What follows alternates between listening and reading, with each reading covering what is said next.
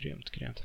Du lyssnar på tredje gången gilt och jag pratar idag med Mikael Forslind. Välkommen hit. Tack så mycket, kul att jag får vara här. Och du eh, bedriver indiespelsverksamhet kan man väl säga? Ja, det stämmer bra. Eh, jag driver ett eh, litet indiespelsföretag som heter Elden Pixels. Vi sitter på ett litet kontor mm. eh, i Göteborg och vi har gjort två spel som finns ute just nu att köpa. Mm. Och det är alltså då Alvas Awakening och Alvas Legacy. Mm, det stämmer bra. Yes, vi återkommer till de spelen alldeles strax. Men för, först och främst, hur kom du slash ni på att ni ville göra indiespel? Hur, hur skapades Elden Pixels? Ja, det började väl som så här att jag har väl historiskt sett jobbat väldigt mycket i videobutik hela mitt liv. Jag har varit butikschef eh, på videobutiken under många år. Kände väl för, right. det är ju nästan tio år sedan nu, men kände väl för ungefär sju, åtta år sedan att det här med videobutiker kanske inte finns kvar längre. Eh, och då sökte jag ett jobb på Nintendo. Inget jobb som faktiskt fanns utan jag skickade en öppen ansökan till Nintendo och tänkte att fan, jag kanske ska byta bransch här och börja jobba i spelbranschen. Jag hade inte någon som helst erfarenhet av att jobba med spel utan jag hade bara jobbat med eh, film då. Eh, sökte ett jobb hos Nintendo och ja. gjorde världens coolaste, vad jag tyckte världens coolaste jobbansökan. Jag eh, gjorde liksom som en sorts Nintendo-magasinet referens där jag gjorde liksom en väldigt, väldigt liten Nintendo-tidning med framsida och recensioner och intervjuer och då blev själva intervjun eh, av mig själv då och det blev liksom själva jobbansökan då. Skickade ja, det till Nintendo ambitiöst. tyckte att jag Ja, jag kände det. Så blev jag lite så här besviken när jag faktiskt ringde Nintendo liksom. Nej, fan de, de tyckte det var skitcoolt att jag hade gjort den här ansökan men de hade liksom ingen, inget jobb med mig. Och då kände jag, vad fan ska man börja göra för att få ett jobb liksom? Eh, och då eh, då tänkte jag, jag får plugga då. Så då pluggade jag utbildning, eh, en utbildning som heter internationell säljare. Så jag läste marknadsföring och försäljning i två år. Hamnade sen på ett spelföretag som heter Imageform. Som ligger också här i Göteborg. De har jobbat, eh, gjort spel i massa år och släppt framförallt Stimol Dig, eh, Stimol Dig 1 och 2 och Stimol Quest och Stimol Heist. Och nu jobbar de på lite nya coola grejer. Och eh, det var ju skitfräckt att få jobb i ett spelföretag. Och det var ju precis det jag ville. Ehm, men jag kände ju lite när jag kom dit också att även om jag hade spelat spel sen jag var fem liksom. Jag har ju växt uppväxt med Famicom var liksom mitt första Nintendo, Nintendo-spel jag hade eller Nintendo-maskin jag hade. Så jag har ju haft Nintendo, Amiga, allting sedan jag var liksom liten, liten pojk.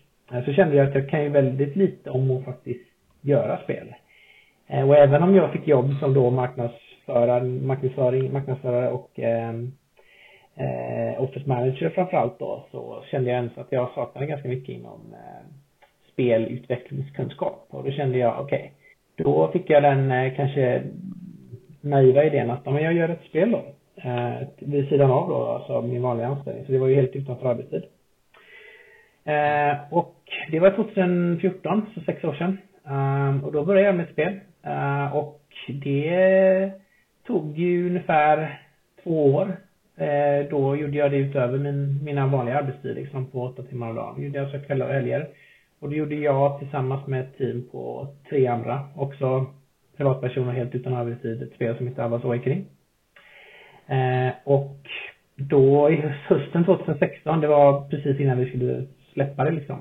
Man kan släppa spel på, som privatperson på Steam då, som var den plattformen vi ursprungligen släppte på. Men de flesta startar ju företag, så vi startade ett företag. Och eh, det var då vi startade Ellen Pixels, 2000, eller hösten 2016. Och sen släppte vi Allas Awakening 2017 och eh, ja, det var så det startade. Mm. Hur, hur kom ni på idén till just Alvas Awakening? För, för de som inte har spelat det så är det ju alltså en, eh, ja, jag, jag, vill helst inte använda termen Metroidvania för jag, mm. jag, jag, har alltid stört mig lite på Vania-delen av det. Men det, det, är, det är ett spel där man eh, utforskar en, en, eh, en labyrint-ish mm. sett från sidan i alla fall. Varför var det just den typen av spel ni valde? Det, ehm, alltså det är ju spel jag själv tycker väldigt mycket om ehm, och jag har spelat väldigt mycket. Men just den här speldelen kom väl från framförallt en kväll faktiskt. Jag hade väl varit lite sugen på att göra någonting spel någon form av spel, men jag hade liksom ingen klar spelidé. Men så var jag hemma hos några vänner och då hade vi ett eh, NES-spel med, eller med mig på emulator faktiskt, som heter Battle Kid 1 och 2. Det är alltså två olika NES-spel som är alltså nya NES-spel. Nyproducerade? Ja. Ja, precis. De släpptes bara för tio år sedan och åtta år sedan tror jag, ettan och tvåan. Och var helt gjorda av en, en person liksom. Eh, primärt en person. Spelade vi det spelet, tyckte det var skitfräckt. Eh, och sen spelade vi även Trine 2. Eh, som är då ett, ett pusselplattformsspel där man spelar som en magiker, en, ja, någon sorts krigare och en eh, vågskytt är väl det då. Eh, men det spelet är mer fokus på ta sig fram och lösa pussel än att faktiskt slå ihjäl fiender. Och jag tyckte att det var en skön approach. Och så tänkte jag, vore inte det coolt att göra ett eget spel som är lite som NES-inspirerat men där fokus faktiskt är på att ta sig fram utan egentligen döda utan där det är mer ett fokus på små pussel och utforskandet av världen och fokus ligger inte på levla, fokus ligger inte på grinda stats och utrustningar och guld utan fokus ligger på att utforska miljön och ta sig fram utan att skada. Och det var så bara den dagen efteråt så hade jag nästan fått ner så här tio sidor designdokument på det här spelet och eh, efter, efter några veckor så var vi igång. Mm. Uh, vad, vad, var det mest överraskande? För i och med att det här var ert, ert första spel då. Vad, vad var det mest överraskande med uh, spelutveckling för dig? Ja, alltså det... Vi, vi började faktiskt med Marvel's Awakening som ett riktigt nästspel. För det var så Battlekid 1 och 2 var. De är ju gjorda, skrivna i Assembler liksom, som är ett antikt programmeringsspråk. Eh, och så Alvas Awakening började faktiskt som ett nästspel. Vi började faktiskt med att koda. Eh, jag kan programmera men absolut inte tillräckligt bra för att få klart ett spel eller ens komma i närheten av att få klart ett spel på Nintendo 8-bit. Så vi lärde oss ganska snabbt att eh, vi har nog tagit oss lite vatten över huvudet om vi ska koda det här själva. Det var jag och en annan person som huvud i början av projektet satt och kodade här. Vi kom inte långt på säkert tre, fyra månader liksom. Även om idén fanns där på papper och så tog det väldigt lång tid att få någonting att ske på skärmen. Vi har faktiskt kvar den här rummen som var det vi lyckades få ihop efter kanske fyra, fem månaders jobb som är i princip den raderar en karaktär på skärmen och du kan åka vänster och höger men du kan liksom inte hoppa, du kan inte röra, du kan inte göra någonting. Det tog fem månader. Så insåg vi att det här är alldeles, alldeles för svårt. Och det var väl egentligen där den största utmaningen kom. För då var vi ett vägskäl där. Antingen lägger vi ner och struntar i att göra det här spelet. Eller så sadlar vi om och gör, använder Unity då som är en modern spelmotor. Och det var ju det vi gjorde då eh, någon gång 2016 där. Så största utmaningen för mig var väl helt enkelt att eh, det var väl betydligt mer tekniskt avancerat att koda det här än vad jag ursprungligen trodde. Mm. Uh, och sen som sagt så följde ni då upp Alvas Awakening med uh, Alvas Legacy mm. som släpptes på, på Switch här alldeles, uh, ja vad var det, för några veckor sedan? Ja precis, det är väl två veckor sedan imorgon tror jag. Mm, två veckor sedan imorgon. Ja. Uh, och det är ju en, en vidareutveckling av första spelet kan man säga. Mm. vad, vad, vad vill Alltså, när ni var klara med första spelet, vad kände ni att ni ville förbättra eller eventuellt förändra inför en uppföljare? Ursprungligen var vi egentligen tanken, i och med att vi alla hade vanliga jobb, nu släpper vi Allas Awakening och så går vi vidare med våra liv och så har vi det spelet bara som en kul grej, ett glatt minne och en trevlig grej vi gjorde. Men vi märkte ju väldigt tidigt att folk frågade efter mer innehåll och portningar till Playstation och portningar till Xbox och framförallt Nintendo Switch som 2016, 17, 18 var väldigt, väldigt, väldigt populär. Det är ju fortfarande populärt men det var ju extremt nytt och spännande då. Så vi kände väl att vi ville göra något mer. Men det tog en stund. Men ursprungligen när vi släppte var vi bara tanken att inte göra någonting. Men sen märkte vi att ja, men vi har nog lite idéer kvar här.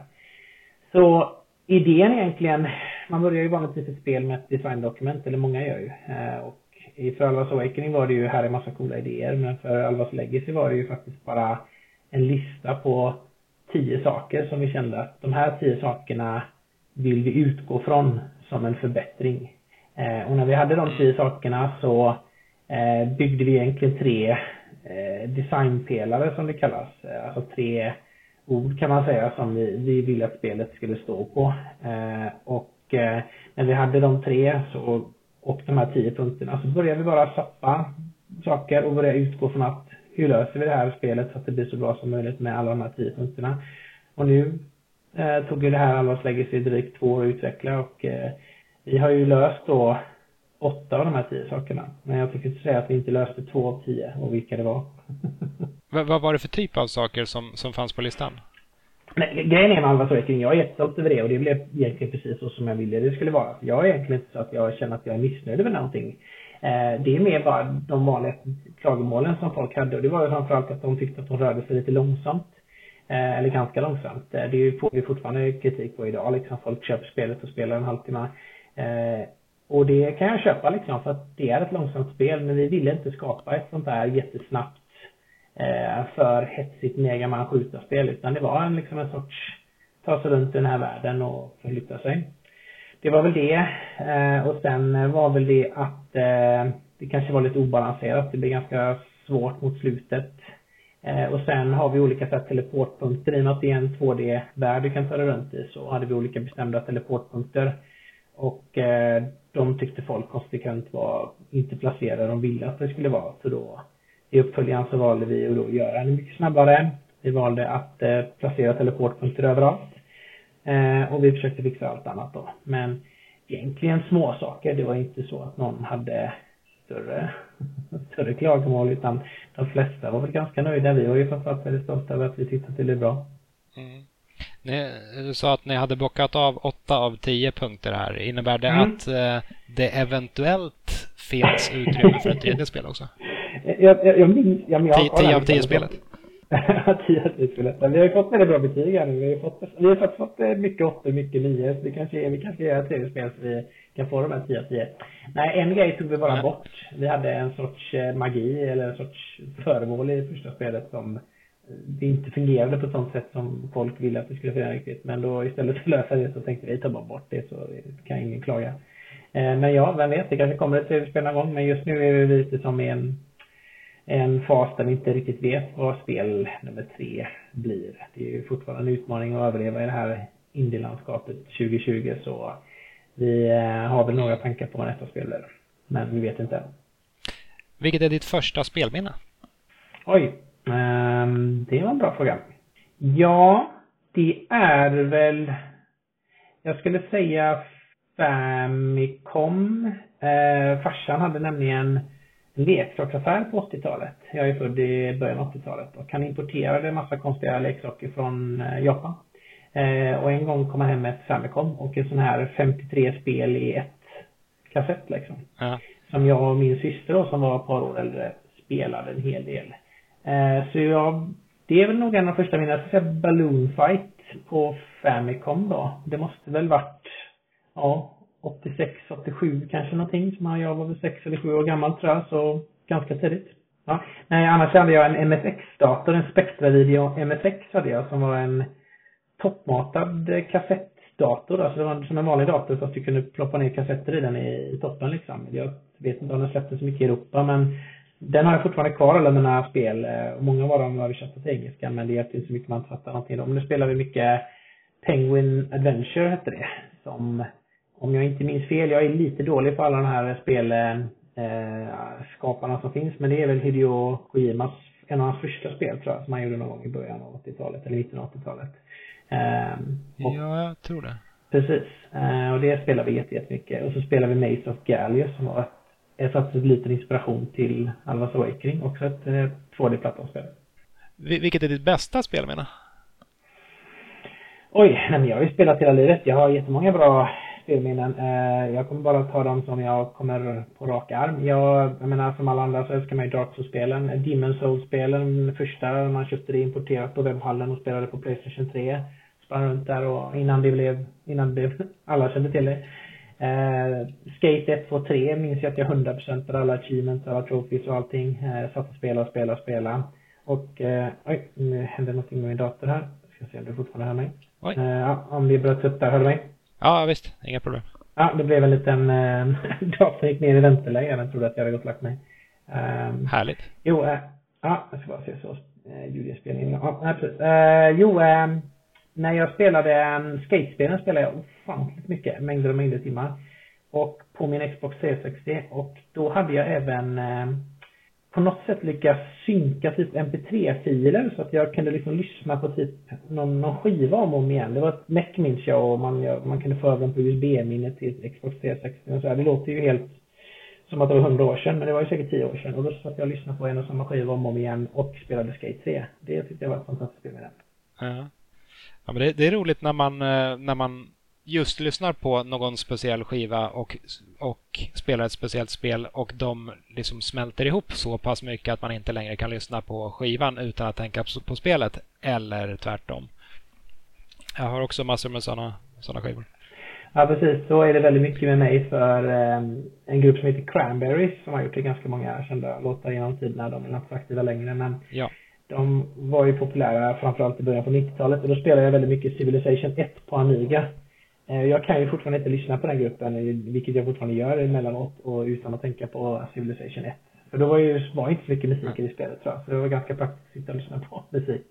Ja. Vilket var det första spelet du köpte för egna pengar? Mm, det minns jag faktiskt. Inte, inte, jag är inte säker på att det var det första spelet, men det var en av de första spelen jag minns som gjorde mig besviken. Jag gick och köpte Mickey's Magical Quest, hette väl det tror jag, till Super Nintendo. Kan det stämma? Just det. det Mickey's Magical ja. Vilket var ja, ett jättebra spel. Snyggt spel. Ja, väldigt snyggt. Och det var faktiskt egentligen jättebra. Men jag minns att jag betalade 900 kronor för det. Eh, och jag spelade ut det på ungefär fyra timmar. Eh, det var ju när det kom ut någon gång på Super Nintendo-tiden. Jag vet inte om det var i mitten av 90-talet kanske. Och 900 kronor för mig när jag var 14 bast var ganska mycket pengar. Eh, och jag minns ja. att jag var så besviken för att det, det tog, ja, det, det tog slut. Och sen hade man klarat det. Så fanns det liksom inget, fanns inget extra varv, fanns ingenting man kunde samla. Det var liksom ett ganska kort spel för den prislappen liksom. Mm. Uh, ja, och det, det, är inte jättekul att köra om heller. Nej, det är ju inte det. Det finns inte så mycket mer man kan göra. Annars minns jag Nintendo 64-spelen var ju också en ganska fattig prislapp på. Eh, men eh, då minns jag att jag jobbade i också en videobutik redan på 90-talet och hade en timlön på 25 kronor i timmen. Eh, så då fick man jobba fyra, fem helger tror jag. för att ha råd med Nintendo 64-spel. Men de, de, de, jag lyckades ta in ganska bra spel här. Så jag köpte de här klassikerna, liksom Mario Kart och Goldeneye och Mario och Zelda och Zelda eh, Majora's Max. Så de höll ju ganska länge då. Det var mycket tid, mycket spel för pengarna. Mm. Vilket spel har du lagt ner mest tid på? Eh, det skulle väl vara Fallout 3 tror jag. Eh, vilket jag körde igenom på alla, alla achievements då på Xbox 360 var väl då. Och det, de släppte ju massa DLC höll på och de patchade in nya achievements. Jag minns att det var ingen Gamerscore på 1000 där utan det var uppe på 1600 tror jag efter alla de patchade in nya achievements då. Eh, ja. Så det körde jag om och om igen, om och om igen och om någon konstig anledning fick jag för mig att det skulle vara coolt att spela det spelet i 24 timmar utan avbrott. Eh, det här var ju långt innan Twitch okay. och sånt var en Ja, jag vet inte riktigt vad tanken var där, men jag, jag har bilder på det här. Så jag började spela 12 på eftermiddagen tror jag. Och sen tror min fru var på jobbet då. Och sen kom hon hem vid sex. Och så då åt jag framför tvn och spelade samtidigt liksom. Sen gick hon av sig vid 10 och sen satt jag kvar till 12 nästa dag och dokumenterade det här och eh, jag vet inte, det var kul. Han kom ganska långt. Det fanns ju mycket innehåll i det spelet. nu hade man förmodligen likadant och streamat det på Twitch eller något. Ja, precis. Det var på sätt och vis lite synd att, att uh, du gjorde det så pass tidigt, men samtidigt lite fint att du gjorde det så pass tidigt också. Ja, nej det var det är ett fantastiskt bra spel. Men återigen sen Demon Souls, Dark Souls, jag har 100% på alla de här spelen också. Så det är ju många, det är väl 150-200 timmar liksom. Men jag är ganska så här, jag har aldrig rört online-spel. För jag har liksom så här, jag kan inte spela spel om de inte har ett slut liksom. Så jag, liksom, jag är inte sån som har liksom 200 eller 2000 timmar i League of Legends utan jag spelar ett single play-spel och sen så när det är 100% eller när jag är nöjd med det, då är jag klar liksom. Jag kan inte ge mig in i den här online-världen för rätt som det är så har fem år gått och så sitter du bara där liksom. Det funkar inte för mig liksom. Mm. Vilken är din favoritmaskin, spelmaskin, spelkonsol genom alla tider? Uh, Wii, den första Wii. För att jag har spelat hela mitt liv, men när jag runt tidigt 20-tal där, eller början av 20, år 2000 liksom, då, då var jag 20 bast och då tyckte jag det var fräckt att gå ut och dricka öl och hänga på klubbar istället för att spela tv-spel. Vilket det var, och det var skitkul under ett par år. Men sen så glömde jag av lite att spela. Jag hade en Playstation 3 tror jag. Jag spelade väl lite San Andreas och lite andra spel så, men det var liksom inte alls vad det var när jag var liten. Men när Nintendo Wii kom, helt plötsligt kändes det riktigt, riktigt spännande. Så jag vet att jag och min polare liksom träffades kontinuerligt under den perioden och bara så här, ja nu är det bara ett halvår kvar, ja nu är det liksom fem månader kvar och när väl releasen kom sprang man runt som en psykopat här i Göteborg. Eh, stod och köade utanför stor och liten liksom eh, så här 5.30 på morgonen en massa andra galningar för att få tag på ett extra. Eh, och det fick jag inte. Jag var väldigt ledsen minns jag för att jag, inte är ledsen kanske med tårar, men väldigt besviken över att jag inte fick något Nintendo. Så det finns också en bild på mig när min kompis då som lyckades få tag på ett Nintendo Wii är hemma hos mig. Och jag står liksom och kramar hans kartong liksom för att han, han har ett Nintendo Wii och jag har inte ett Nintendo Wii. Och då var jag inte så här 26, det var inte så att jag var ung utan eh, men den här Nintendo Wii tycker jag var så fantastisk. Inte så mycket på nödvändigtvis på kontroller utan för Virtual Console-delen. Den, eh, jag gick, det var ju hela min barndom med den Virtual Console-grejen. Jag köpte ju allting som Jag la ju liksom hur mycket pengar som helst på det här. Köpte alla liksom, körde igenom alla Zelda-spel och alla Mario-spel och allt det där som man inte hade faktiskt rört liksom. Det var väl för mig var det liksom upptakten av allting som formar hela mitt retrointresse som nu då liksom 15 år senare fortfarande är det som jag mest av allt brinner för liksom. Så Nintendo Wii var, tyckte jag, jag tyckte den var fantastisk. Bra e-shop-musik också, eller vad den hette, den här eh, shoppen man hade. ja, överlag så all, all, egentligen alla Wii-kanallåtar är ju jättemysiga. Det händer ofta att vi slår på dem på kontoret och bara sitter och, och mm. lyssnar igenom sådana playlists. Ja, den är jättebra. Ja. Eh, vad spelar du just nu? Ja, får man säga det utan att marknadsföra sina egna grejer för mycket eller? Ja, det får man. Man får säga vad man vill här. Ja, vi har faktiskt suttit och spelat hela dagen idag. Vi, eh, Eh, eller Pixels har ju gjort två spel av Awakening of Legacy men vi har även testat testa våra vingar här och ge ut spel för andra utvecklare. Så att det kommer ge ut ett spel som heter Cathedral som också då är ett eh, pixel art Metrovania 2D plattformsspel väldigt likt vårt men mycket, mycket mer fokus på action. Eh, och det är ett ganska stort spel. Eh, Alvas Awakening kan du plöja igenom på en 6-8 timmar beroende på hur duktig du är men det här är liksom ett 15-20 timmars spel. Så idag har vi faktiskt gjort något som vi inte brukar göra på kontoret. Idag har jag och min kollega suttit från klockan nio på morgonen till fyra på eftermiddagen och bara spelat det här Cathedral-spelet. För att vi måste veta exakt hur det ser ut och vi har redan signat och ska ge ut det här spelet oavsett vad vi tycker. Men nu, nu har vi faktiskt spelat det från början till slut och, eh, och kommit en bra bit på vägen. Um, mm. Så det har vi prövat. Men, men det är ganska Annars, mycket det, det, är ganska mycket uh, research-spelande och inte, inte enbart nöjesspelande vi snackar om här nu då. Nej, det här har ju mest varit research fast det visade sig vara, vi hade ju väldigt, väldigt kul. Men rent privat har jag ju blivit väldigt dålig på att spela tv-spel för att, inte nog med att jag jobbar ganska mycket för att jag har eget företag. Jag har ju även en, en son som då är ett och ett halvt nu som tar i princip all tid. Eh, så mitt schema börjar ju sex på morgonen och är väl klar ungefär nio på kvällen. Och när klockan slår nio på kvällen då är jag inte alltid jättesugen på att spela.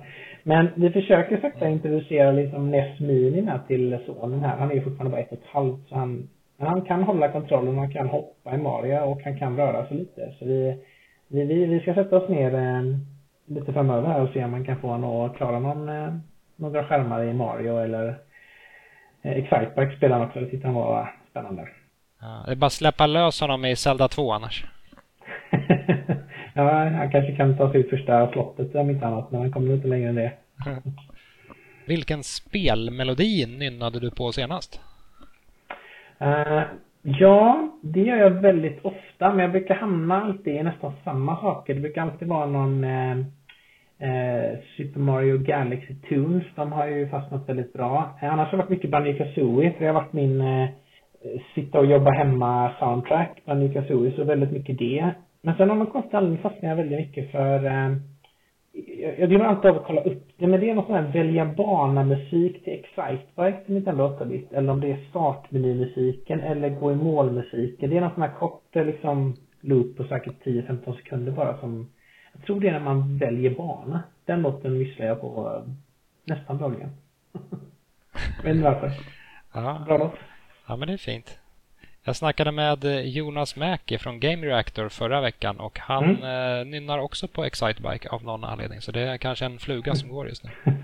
Ja men det var väl det som var charmen med de här riktigt tidiga 8-bits grejerna. Det var liksom väldigt kort intro och sen rakt in på eh, refrängen liksom. Och de gick rakt in på bara det som var catchy och som det som fastnade i huvudet. Mm. Vilken spelutvecklare, och det kan vara både ett företag eller en person, eh, ser du upp till? Ja, jag fick faktiskt den här frågan häromveckan på, av en annan, eh, ett annat tillfälle och jag tycker den är lite svår. Alltså det, det tråkiga svaret är ju Nintendo liksom. För att de gör, de har ens hållit sig, företaget har ju funnits sedan 1800-talet och det är väldigt, väldigt, väldigt imponerande. Och jag menar, man kan ha massa åsikter och diskussioner om Nintendo men de lyckas ju ändå göra riktigt coola grejer. Och sen From Software, men det är ju lika fantasifullt som att, ja, det är ju ett tråkigt svar men jag menar, jag älskar Dark Souls-spelen och jag är jättetaggad på nya Demon Souls. Eh, men på senare tid har man tittat kanske mer på företag som man ser upp till så att man själv liksom känner att det här är företag som jag eh, tycker är, gör någonting bra och då får jag faktiskt säga Imageform som jag då jobbade för, för fem år sedan eller fyra år sedan.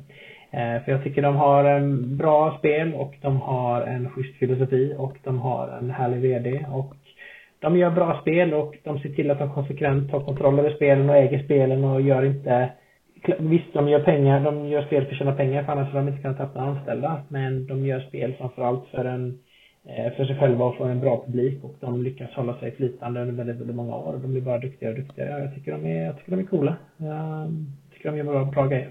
Mm. Uh, vilket spel önskar du att du hade gjort själv?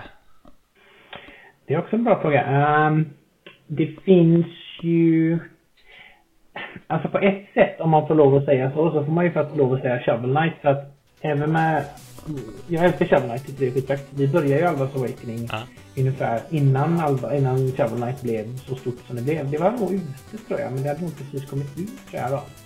Men det var ju bara, det var ju stort redan från början, men det var inte så stort som det är nu. Nu är det ju förmodligen världens mest kända, eller med 8-bits mest inspirerade spel ska jag säga. Och vi blir ju konstant jämförda med dem så länge de vad vi gör liksom.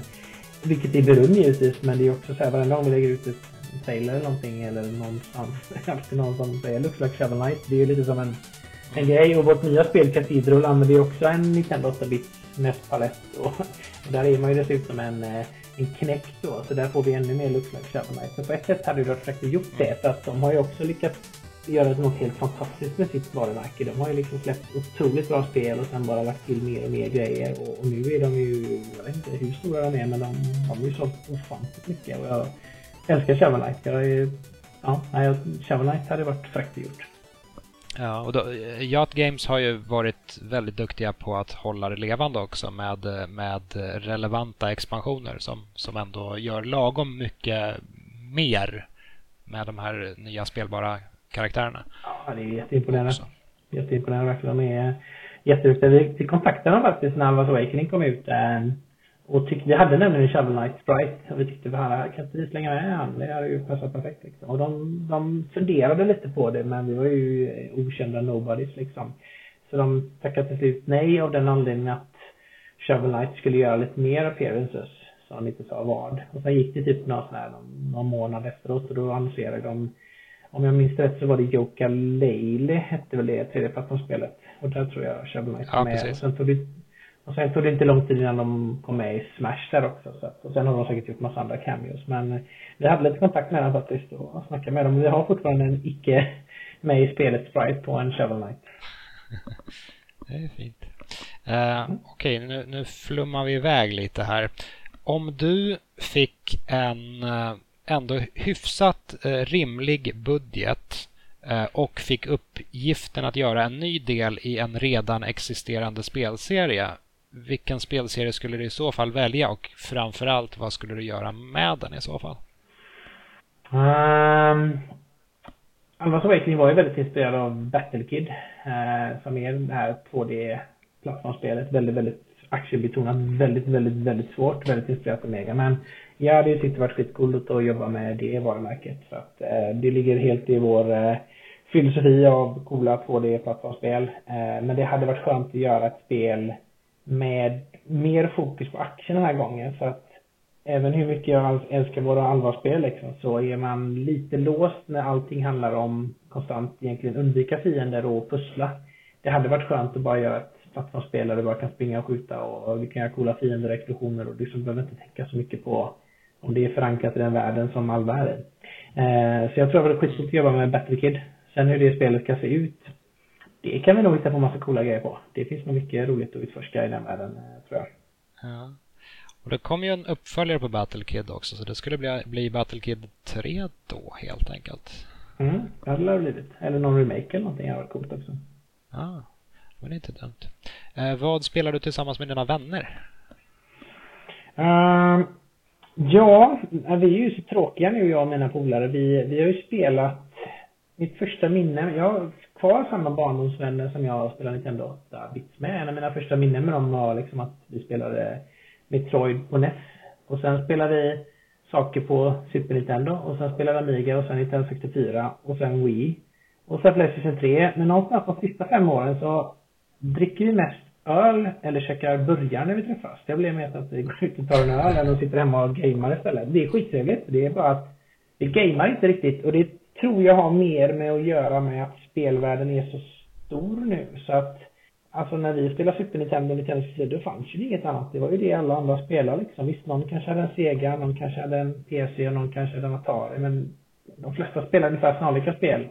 Men nu på senare tid liksom polaren börjar spela online-spel och ena polaren börjar spela liksom där Call of Duty och Battlefield och riktigt såhär AAA-spel och jag började hamna i spelbranschen och började spela mer konstiga nischade indiespel och pixliga plattformsspel och när vi väl skulle sätta oss och gamea så hade vi så olika uppfattningar om vad faktiskt ett roligt spel är.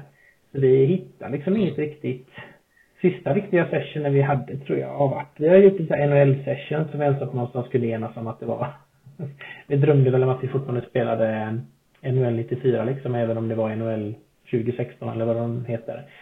Eh, men jag tror en av de sista bästa sessionsna vi hade var den kvällen som Alvas Awakening kom till om man kan använda uttrycket. För att då spelade vi igenom hela Trine 2 i en sittning. Vi körde hela spelet från början till slut på typ sju timmar eller något sånt där. Och det var, det var en härlig, för det är ett treplayer-spel liksom. Mm. Eh, men vi pratade faktiskt vid om att vi skulle köra en Demon Souls Playstation 5 unboxing kväll här nu då. Ganska snart. Vi är ju bara någon månad ifrån Playstation 5-releasen tror jag. Mm. Så äh, Dim, Demon Souls på Playstation Ja. Han lät som att han, jag frågade om han hade förhandsbokat och det hade han gjort för sex månader sedan. Så förhoppningsvis hade han kanske kan få en kopia. Eller en Dex. Ja. Uh, vilket spel är ditt Guilty Pleasure? Uh, ett spel som jag spelar som ingen annan, eller som inte är erkänt menar du? Uh, oj. Uh, ja. Mm, jag vet inte om jag har någonting. Jag har inget bra svar på den frågan tror jag. Om man säger pass ja, det... eller kan jag ringa, kan jag ringa någon polare eller något? Nej, det... du kan absolut säga pass eller, eller så kan vi helt enkelt konstatera att du, du inte har något guilty pleasure nej, för att du inte spela. skäms över vad du spelar. Spela bra spel. Nej, nej, jag vet. Jag måste tänka lite här nu. Har jag något guilty pleasure, något spel som... Nej. Nej, jag är ytterst dålig på att spela liksom spel som inte är redan. Jag är så lite tid när jag väl sätter mig och spelar så så är det, så är det bra spel. Om vi istället frågar vilket spel har fått dig att slänga handkontrollen i väggen då? Uh, det är väl, jag har ganska bra temperament så, så det är inte så sällan jag, det är väldigt sällan jag blir arg. Men det finns ett parti i Dark Souls 2. Har du spelat Dark Souls 2? Nej, jag jag spelat ettan och jag har spelat trean och jag har spelat Bloodborne. Okay. Men av någon anledning har jag aldrig kört igenom tvåan det finns ett parti där, jag, jag anser mig själv ganska duktig på Dark Souls. Så när jag skulle spela tvåan så tänkte jag att man kan ju spela utan sköld, tänkte jag. Det är ju skitfräckt. Så dodgar man allting bara så blir det lite svårare, tänkte jag. Så jag körde hela Dark Souls 2 med två svärd. Vilket var bra när du väl kom nära på fienderna för då, då fick du in ganska mycket träff. Men det var också å andra sidan, det var lite svårt att ta sig nära. Det finns ett parti i Dark Souls 2 där du ska ta dig igenom en jättestor underjordisk sjö kan man säga som är så här knähögt vatten. Och överallt står det massa magiker och bara lobbar liksom magiska bollar på dig, eh, projektiler. Mm. Eh, samtidigt som det är en massa saker, saker under vattenytan som hugger, hugger, hugger dig och samtidigt blir du extra trött i benen för att du springer i knä djupt vatten. Eh, och det är partiet för min, för min karaktär. Jag vet inte hur många timmar jag satt med det. Och det slutade med att det gick ju inte för mig att klara det här. Men däremot har ju Dark Souls en sån grej att om du bara dödar en och samma fiende tillräckligt många gånger, alltså 30-40 gånger eller vad det är, jag minns inte siffrorna, då slutar de spana till slut. Så jag satt i den här grottan och bara körde och körde och körde liksom 5-6 timmar och varje gång jag dog så liksom minns att jag låg ner med liksom ansiktet i soffan och nästan skrek för att jag var så irriterad. Men 5-6 timmar sen så hade jag nött bort och det var nästan inga fiender som spanade längre. Det var bara att springa igenom. Så var jag klar. Vilket spel har fått dig att gråta? Um, ja, det är väl också... Jag känner så här tråkigt bara svara de här vanliga spelen, men Journey är ju ett jätte, jättefint spel tycker jag. Um, mm. Det som jag tyckte var så bra med det var ju slutet givetvis och man får lov att spoila liksom. För det är ju ganska gammalt men jag ska försöka hålla det ganska spoilerfritt. Men det var jättefint. Jag spelade med min fru och vi båda tyckte det var fantastiskt fint. Och sen hade jag faktiskt mina två polare över. De som då gillar eh, online-spel och eh, Battlefield. Och så tänkte jag, det här är ju världens coolaste spel, det här måste ni se. och sen satt vi där och så kom slutet liksom. Eh, och jag satt bara så här, åh gud vad fint, liksom låt tårarna komma liksom. Jag kände liksom hur fint det här var. Och mina polare satt bara så här och tittade helt, ja, det är ett spel. Det är, kan vi spela Battlefield nu eller liksom? Det var så här, minns ju så väl att det var liksom inte alls där emotionella responser som jag det är som när man spelar en låt man tycker väldigt mycket om för någon annan och så bara, ah, cool låt, cool låt. Men man själv är man bara helt, hörde inte hur fantastiskt det är, gitarrsolet det är. Uh, men, uh, nej men uh, Journey tyckte jag var, det var fint. Det var bra, det var bra spel. Ja, ja. Vilken spelvärld skulle du vilja flytta in i? Mm, ja, det skulle man kunna få bo i SimCity till Super Nintendo. Eh, men Oj. då vill jag bara bo där. Det, det får man absolut göra, men, men varför? För att eh, man, jag vill bara att den musiken som spelas eh, i det spelet konstant spelas i världen också då. För det är så väldigt bra musik i det spelet. Så det är, det, det, är ungefär som att bo i, en, i vilken stad som helst fast med väldigt mycket bättre musik och med ja. En, en viss risk att eh, det plötsligt kommer en ja. naturkatastrof, ja. typ Bowser som trampar ner allting. Ja, det, det vill man ju ha. Man vill ju ha ett överhängande hot konstant. Uh, ja, men det är, ja, men det är bra. Håller man sig på tå. Mm. Ja, det, men det tror jag. Det soundtracket har jag fortfarande framme i och emellanåt. Eh, och ibland om jag känner mig riktigt, riktigt våghalsig så kan jag levela upp till CCT 2000 soundtracket. Men det blir lite för modernt för mig så då går jag tillbaka till Super Nintendo igen. Ja, ja. Uh, vilken spelserie skulle du vilja återuppliva? Mm, ja, vilken spelserie? Uh, nej, det kan inte komma Om någon. någon. Um, jo, jag kan komma på en spelserie som jag tyckte väldigt, väldigt, väldigt mycket om. Uh, som på sätt och vis blev återupplivad men sen dog igen. Uh, det fanns en spelserie till Amiga och den fanns till PC också som heter Eye of the Beholder. Uh, gjordes väl av ja. Westwood Studios tror jag. Och de spelen tyckte jag ju var fantastiskt. Det är ju sån här, jag vet inte vad man kallar det, Dungeon Crawler-spel där du rör dig ruta för ruta liksom. Uh, använder piltangenterna för att stiga framåt och slåss och böka mot massa monster. Så gjorde de tre sådana spel som var en av mina absoluta favoritspelminnen. Vi har fortfarande kvar kartor från den tiden. Vi satt och mappade ut alla de här rutnäten, hur man skulle ta sig vidare. Sen gjorde ju ett spelföretag en sorts remake, eller inte ett nytt spel med exakt samma förutsättningar som heter Legend of Grimrock som man gjorde. Eh, och det spelet släppte de kanske en, ja, sju, åtta år sedan eller tio år sedan. Oj, nu gick min dator ner i vänsterläge igen. Jag måste komma ihåg vad... Eh, Spännande. ja, eh, jo, en, eh, de gjorde ett spel som heter Legend of Greenrock. Och eh, det var ju väldigt identiskt med Eye of the. Och sen gjorde de ettan som jag spelar otroligt mycket. Eh, och det är nog en av de mest spelade spelen jag har på Steam idag. Och sen gjorde de tvåan som jag inte har spelat lika mycket. Och sen försvann de från jordens yta. Eller så gör de fortfarande en massa coola spel som jag inte vet något om. Men jag kollar in ibland om det kommer någon Legend of Grimrock 3 och det gör det inte. så eh, den, den är väl död den serien då kanske. Eller om de gör Ice Beholder 4, det hade varit ännu bättre kanske. Om inte det redan finns. Vi närmar oss upploppet här då. Uh, vilken mm. spelserie skulle du vilja lägga ner? oj, oj, oj. Uh, Nej, det finns väl ingenting jag skulle lägga ner eh, så. Jag känner väl bara i takt med att man blir äldre och att man själv väljer kanske en väg där man själv gillar de spelen man lite fantasilöst gillade när man var liten så känner jag väl att jag inte orkar med alla online-spel och eh, eh, Smash och eh, alla de där spelen som bara blir större och större och mer titlar och spinoffer och remixer och allting sånt. Jag känner väl att jag inte orkar riktigt Eh, och jag är ganska nöjd med det på något sätt. Eh, för mig är väl fortfarande lever i det förgångna men jag tycker ju om en single player spelupplevelse där man kan ta ett spel och spela en eh, 10-15 timmar och sen vara klar. Där man inte behöver committa många, många månader. Men det finns ingen specifik spelserie jag känner skulle lägga ner. Däremot hade vi tyckt kanske att spel som fokuserar på döda kanske hade varit spel jag själv inte hade valt att vilja jobba med på något sätt. Uh, mm. Får jag lov att säga. Uh, ja. Skulle du vara intresserad av att själv göra ett spel som, där man inte dödar? Nej, ja. Det har vi gjort nu. Vi har nämligen någonting som heter Pacifist Mode i Alvas Legacy som är ett New Game Plus eller ett nytt spelläge som låses upp om du, eh, det är lite spoiler men vi nämner det här i, på olika ställen. Men om du klarar hela spelet med lite olika förutsättningar så kan du spela hela spelet igen och då är ditt ultimata mål att klara hela spelet utan att döda en enda människa eller fiende i hela spelet. Eh, som är en sorts ultimata måndag hela veckan eh, lösning där du spelar hela spelet igen fast du skadar ingenting. Du gör den, det perfekta runnet. Eh, så på ett sätt har vi redan gjort det. Mm, right. Eh, vilken trend i spelvärlden skulle du aldrig vilja se igen?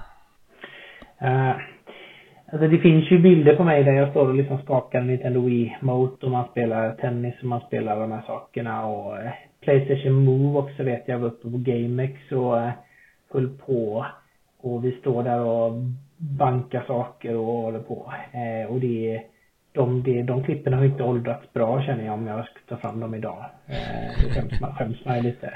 Och det är väl en sån, om jag visar det för min son om 20 år liksom. Han kollar här, stod vi liksom med plastsaker med någon lysande boll på toppen och bankar folk i huvudet. Då kommer han tycka att det är helt antikt. Eh, så Playstation Move och Nintendo Wii är väl saker jag är mindre stolt över, känner jag. mm. Det finns ju en, en viss ironi här i och med att uh, ja move, eller rörelsekontroll inte så poppis men samtidigt är Wii din absoluta ja, ja, favoritkonsol. Absolut, absolut. Jo. Det fanns ju några bra spel som nyttjade den här eh, rörelsegrejerna. Men det är ju lite så när man jobbar med Nintendo. För att de vill ju alltid att man ska göra alla de här konstiga sakerna. Så de har ju massa saker, även Nintendo Switch med touchscreens och HD Rumble och det kan göra massa lite mer coola grejer men det känns ju som så här nio av tio indiespelsutvecklare i vår storlek släpper spel så så är det bara så här, ja, det är ett vanligt spel som du spelar på en vanlig skärm med en handkontroll. Det är väldigt sällan man mm. nyttjar i alla de här sakerna och när man ska släppa ett Nintendo Switch-spel så får man ju svara på massa, massa, massa frågor i den här tekniska formulären om vi använder alla de här sakerna och det är ju alltid så här, nej, nej på typ 40 frågor. Vi använder inga av de här coola grejerna ni har. Men ja, vi har liksom, vi har ljud och vi har support för Pro Controllers. Det är ungefär det vi sätter ja på. Allt annat är så här, nej, vi har inte gyroskopgrejer, vi har inte touchscreens, vi har inte surround-ljud. Nej, man kan inte blåsa in i micken för att flytta spelet och vi har inte stylus. Så, eh, de hittar ju på ganska många coola grejer och jag klagar ju inte på innovativiteten, alltså att de gör ju innovativa grejer. Det är bara att det är det är inte riktigt mitt intresse. Det kanske kunde vara en, en eh, intressant utgångspunkt för ett framtida spel. Att utgå från den listan och sen bocka av precis varenda grej allting ska med i spelet. Det är skitkul och jag, jag, jag har haft den tanken. Eh, det är ju mer en rolig tanke än en faktisk grej att göra men det hade ju varit jätteroligt att bara Fast det hade ju förmodligen varit helt omöjligt att få det i spelet genom Nintendos eh, process där de godkänner spelet med alla miljarder saker de fick kolla men det hade varit hysteriskt roligt som ett skämt att bara skicka till Nintendo. Absolut, för att klara den här banan så får du liksom koppla loss joyconen och så får du liksom blåsa in i micken samtidigt som du håller den i 93 graders vinkel och så får man sådana stackars Nintendo så, så ska jag ju testa det här. Det hade ju varit jätteroligt. Det är en bra idé. Det är bra. Där har vi 10 av 10 spelet. Ja, det är nästa spel. Ja. Uh, om du fick gå tillbaka och ändra en sak i något av spelen du har gjort, vad skulle du ändra på i så fall? Ja, um, Det är väl sista slottet i första spelet Um, gjordes vi gjorde hela världen väldigt tidigt i alla Awakening. Så hela, hela världen fanns spelbar fast den var i princip tom. Men områdena fanns där och en tanke bakom all design fanns där. Liksom vi whiteboxade upp, som det kallas, hela världen på ett väldigt tidigt skede. Fast vi konsekvent la inte in sista världen. Den var bara en, en skärm liksom. Um, så när vi väl satte oss och skulle göra sista världen som då var ett väldigt, väldigt, väldigt stort område. Då hade vi liksom jobbat det här spelet i ett och ett halvt år. Så vi, vi kunde göra ganska komplexa rum. Och, så då gjorde jag det här sista slottet på ett par kvällar eh, och la Instadess, det varenda litet kryp in i det slottet. Det var ju taggar i tak och det var taggar på väggar och det var saker som sköt dig och de hade samma färg som väggarna. Och jag tror att vi sa, jag, på, jag och han som gör all grafik, att kan vi inte byta färg på dem som att vi inte ser dem och så sa vi att vi skulle göra det men det var det var mot slutet av utvecklingen så vi, vi hann väl inte med det tror jag. Eh, vi, vi släppte det här spelet och det, det, jag tycker det är jättekul det är många som tycker att sista slottet är väldigt roligt men det är också en hel del som tycker att det blir så otrolig svårighetsgrads eh, uppgradering i sista slottet och det, det är ju alldeles korrekt. Mm. Men det är ju också svårt när du själv vet hur du spelar alla rum och du själv i princip nästan aldrig dör när du spelar för att du kan, du kan det så bra. Så när vi gjorde Alvas Legacy så var vi ganska konsekventa med att vi inte skulle ha något sånt sista slott som gjordes så mycket senare utan vi gjorde alla slott princip samtidigt. Så det hade jag kanske gjort lite annorlunda. Hur gick tankegången där, att hålla sista slottet separerat från resten av världen under utvecklingen? Det, det minns jag inte. Eh, men jag tror väl att det var så att vi Jo men så var det nog. Det, det, sista, ah, I och med att det var ett Metroidvania-spel som hela tiden, alltså det är en värld som hela tiden kopplas tillbaka till sig själv och du har föremål och du har uppgraderingar och allting sånt.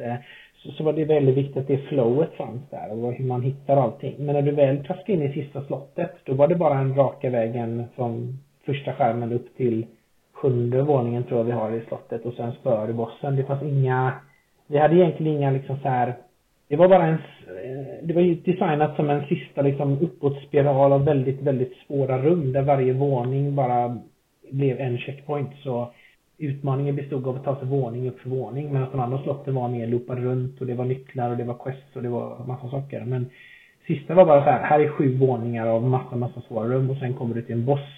Så det behövdes inte sitta ihop med andra världen. Det hade kunnat se ut och låta lite hur som helst. Eh, Därför var det ganska enkelt att bara säga vi skjuter på det och sen när det väl var tillräckligt nära för att släppas, okej okay, nu måste vi ha in det och då var det bara att kötta ut massa, av svåra rum men de, de behövde inte connecta med någonting. Så att säga rent storymässigt eller spelmekaniskt. Enda utgången är mm. sista, precis innan sista bossen så har du en liten chans att gå ut och hämta lite extra energi och lite sådana saker. Men det var enda connection-spotten. Alla andra slott sitter ihop med varandra på fyra, fem ställen. Så det var mycket, mycket svårare att designa dem. Mm. Det, det finns ju även en, en teori om att in, inom spelutveckling kan, kan det vara en bra tanke att spara arbetet med spelets första nivå till sist för att det är då man som utvecklingsteam är på topp. Mm. Eh, så det kanske, det kanske blev eh, ja, tur i oturen på något sätt att eh, också. Att, att, ni kunde dra nytta av den kunskapen ni hade fått av att arbeta med världen ja. och lägga in den i sista slottet. Jag vet inte. Ja, nej definitivt. Nej men det finns många som gillar sista slottet. Jag gillar också sista slottet jättemycket. Men det finns en väldigt, väldigt rolig video som jag har refererat till flera gånger som jag alltid säger att jag ska lyfta fram men som jag alltid glömmer av. Det är nämligen våran spelkompositör Robert Krese som har gjort musik i Travers Awakening när han spelar in sig själv lite som en Let's Play av det här. Han spelar in eh, sig själv och världen han spelar. Då var det en väldigt opolerad första draft av det här sista slottet. Och nu känner jag ju Robert så det är ju en god vän till mig så det är lite extra roligt. Men även för sådana som kanske inte känner Robert, det är en hysteriskt rolig video för att han blir jättearg på alla de här taggarna som konsekvent han hoppar in i och ramlar ner på han och block försvinner och allting bara dödar han och han sitter liksom och kommenterar på sin väldigt charmiga dialekt han har liksom. Ja, nu dog jag igen. Ja, det här kanske inte var så roligt. Ja, det här rummet vet jag inte. Och så fortsätter det bara så i en timme och den är, den är helt underbar den videon. Jag måste nu på riktigt så måste jag leta rätt på den och publicera den. Ja, du får hälsa Robert också att uh, han har skrivit uh, ett par riktigt, riktigt vassa låtar. Ett grymt soundtrack. Ja, jag vet att du har twittrat om det och nämnt det och det, det ska jag definitivt hälsa. Han är väldigt nöjda och glada över hur duktig han är, Robert, på att göra små trudelutter. Han är bra. Ja, det är, det är ju liksom den, den, den, den här härliga gamla skolans tv-spelsmusik som inte bara är en ljudmatta utan som är melodidriven. Och det är så, det, det är så härligt att den konsten fortfarande finns kvar. Ja, han är han är briljant, eh, Robert, på, eh, Robert Kese på musik. Tyvärr hade vi, inte tillgänglig att göra musiken för vårt eh, andra spelare av Legacy, utan vi fick hjälp av en annan person som också gjorde ett fantastiskt soundtrack som heter Rush One. Men eh, vi lyckades få Kese göra en liten hemlig låt som jag någon gång, varje gång kollar jag internet på morgonen och har någon hittat den här låten än? Och, men det gör de inte, men någon gång kommer det komma och då har vi ännu en liten härlig låt av Kese att lyssna på. Mm. Är det alltså en låt som man man måste hitta? Eller är han en mm. hemlig, en spökskrivare så att säga? Nej, han, nej, han har inte spök. Det finns en låt av honom eh, som är väldigt tydligt att det är han i spelet som, eh, som inte har varit hemligt så. Men eh, den, eh, den, den, eh, mm, den kommer fram en gång. Mm. Aha. Det ser vi fram emot. Slutligen då, vilket spel skulle du ta med dig till en öde ö? Mm, ja, men det skulle bli Civilization 6. Är det senaste Civilization 6? Det tror jag väl. Ja. Det har inte jag spelat. Så jag älskade femman. Jag körde ettan. Och sen missade jag tvåan, trean och fyran. Men jag hoppade in på femman. Jag kände att jag fattat storyn liksom, trots att jag hade missat tre delar. Eh, och jag har inte rört sexan, för jag har inte den tiden. Men det ju, känns ju som ett spel som skulle vara alldeles exemplariskt på nördar förutsatt att det finns datorer och, och internet och det är säkert online uppkopplat. Eh, Eh, så det hade varit eh, kul tror jag. Ja, bygga ett imperium under kokospalmerna. Ja, jag tror det hade varit roligt. Men det har man haft något att göra. Det känns som att det skulle vara tråkigt att vara på nördar. Då vill man ha något som man kan verkligen sitta länge med. Och då tror jag Sim City, eh, förlåt, eh, Civilization hade varit ett väldigt bra spel. Mm. Grymt. Mm. Då så. Den här podden finns på eh, Instagram. Där heter vi tredje gången podd. Jag finns på Twitter. Där heter jag Viktor underscore Sjoström. Eh, var hittar man dig? Om man är på jakt efter dig? Ja, man hittar mig eh, på eh, Twitter framförallt. Eh, Mikael Forslind heter jag, ett ord. Och man hittar våra spel, Elden Pixels, på ja, Twitter, Instagram, Facebook. Vi heter Elden Pixels pretty much everywhere. Så att och det är bara att höra av er om ni vill fråga någonting. Ja, och Alvas Legacy, det senaste spelet då, finns på PC och på Switch för tillfället va? Korrekt. Eh, och GOG också som är en liten digital plattform. Och eh, vi eh, kommer väl förmodligen släppa det på fler plattformar framöver. Vi får se lite vad nästa steg blir bara, men vi, vi hoppas det. Mm. Grymt! Då tackar jag dig så mm. mycket för att du ville prata lite tv-spel. Tack så mycket för att jag fick vara med. Det var kul.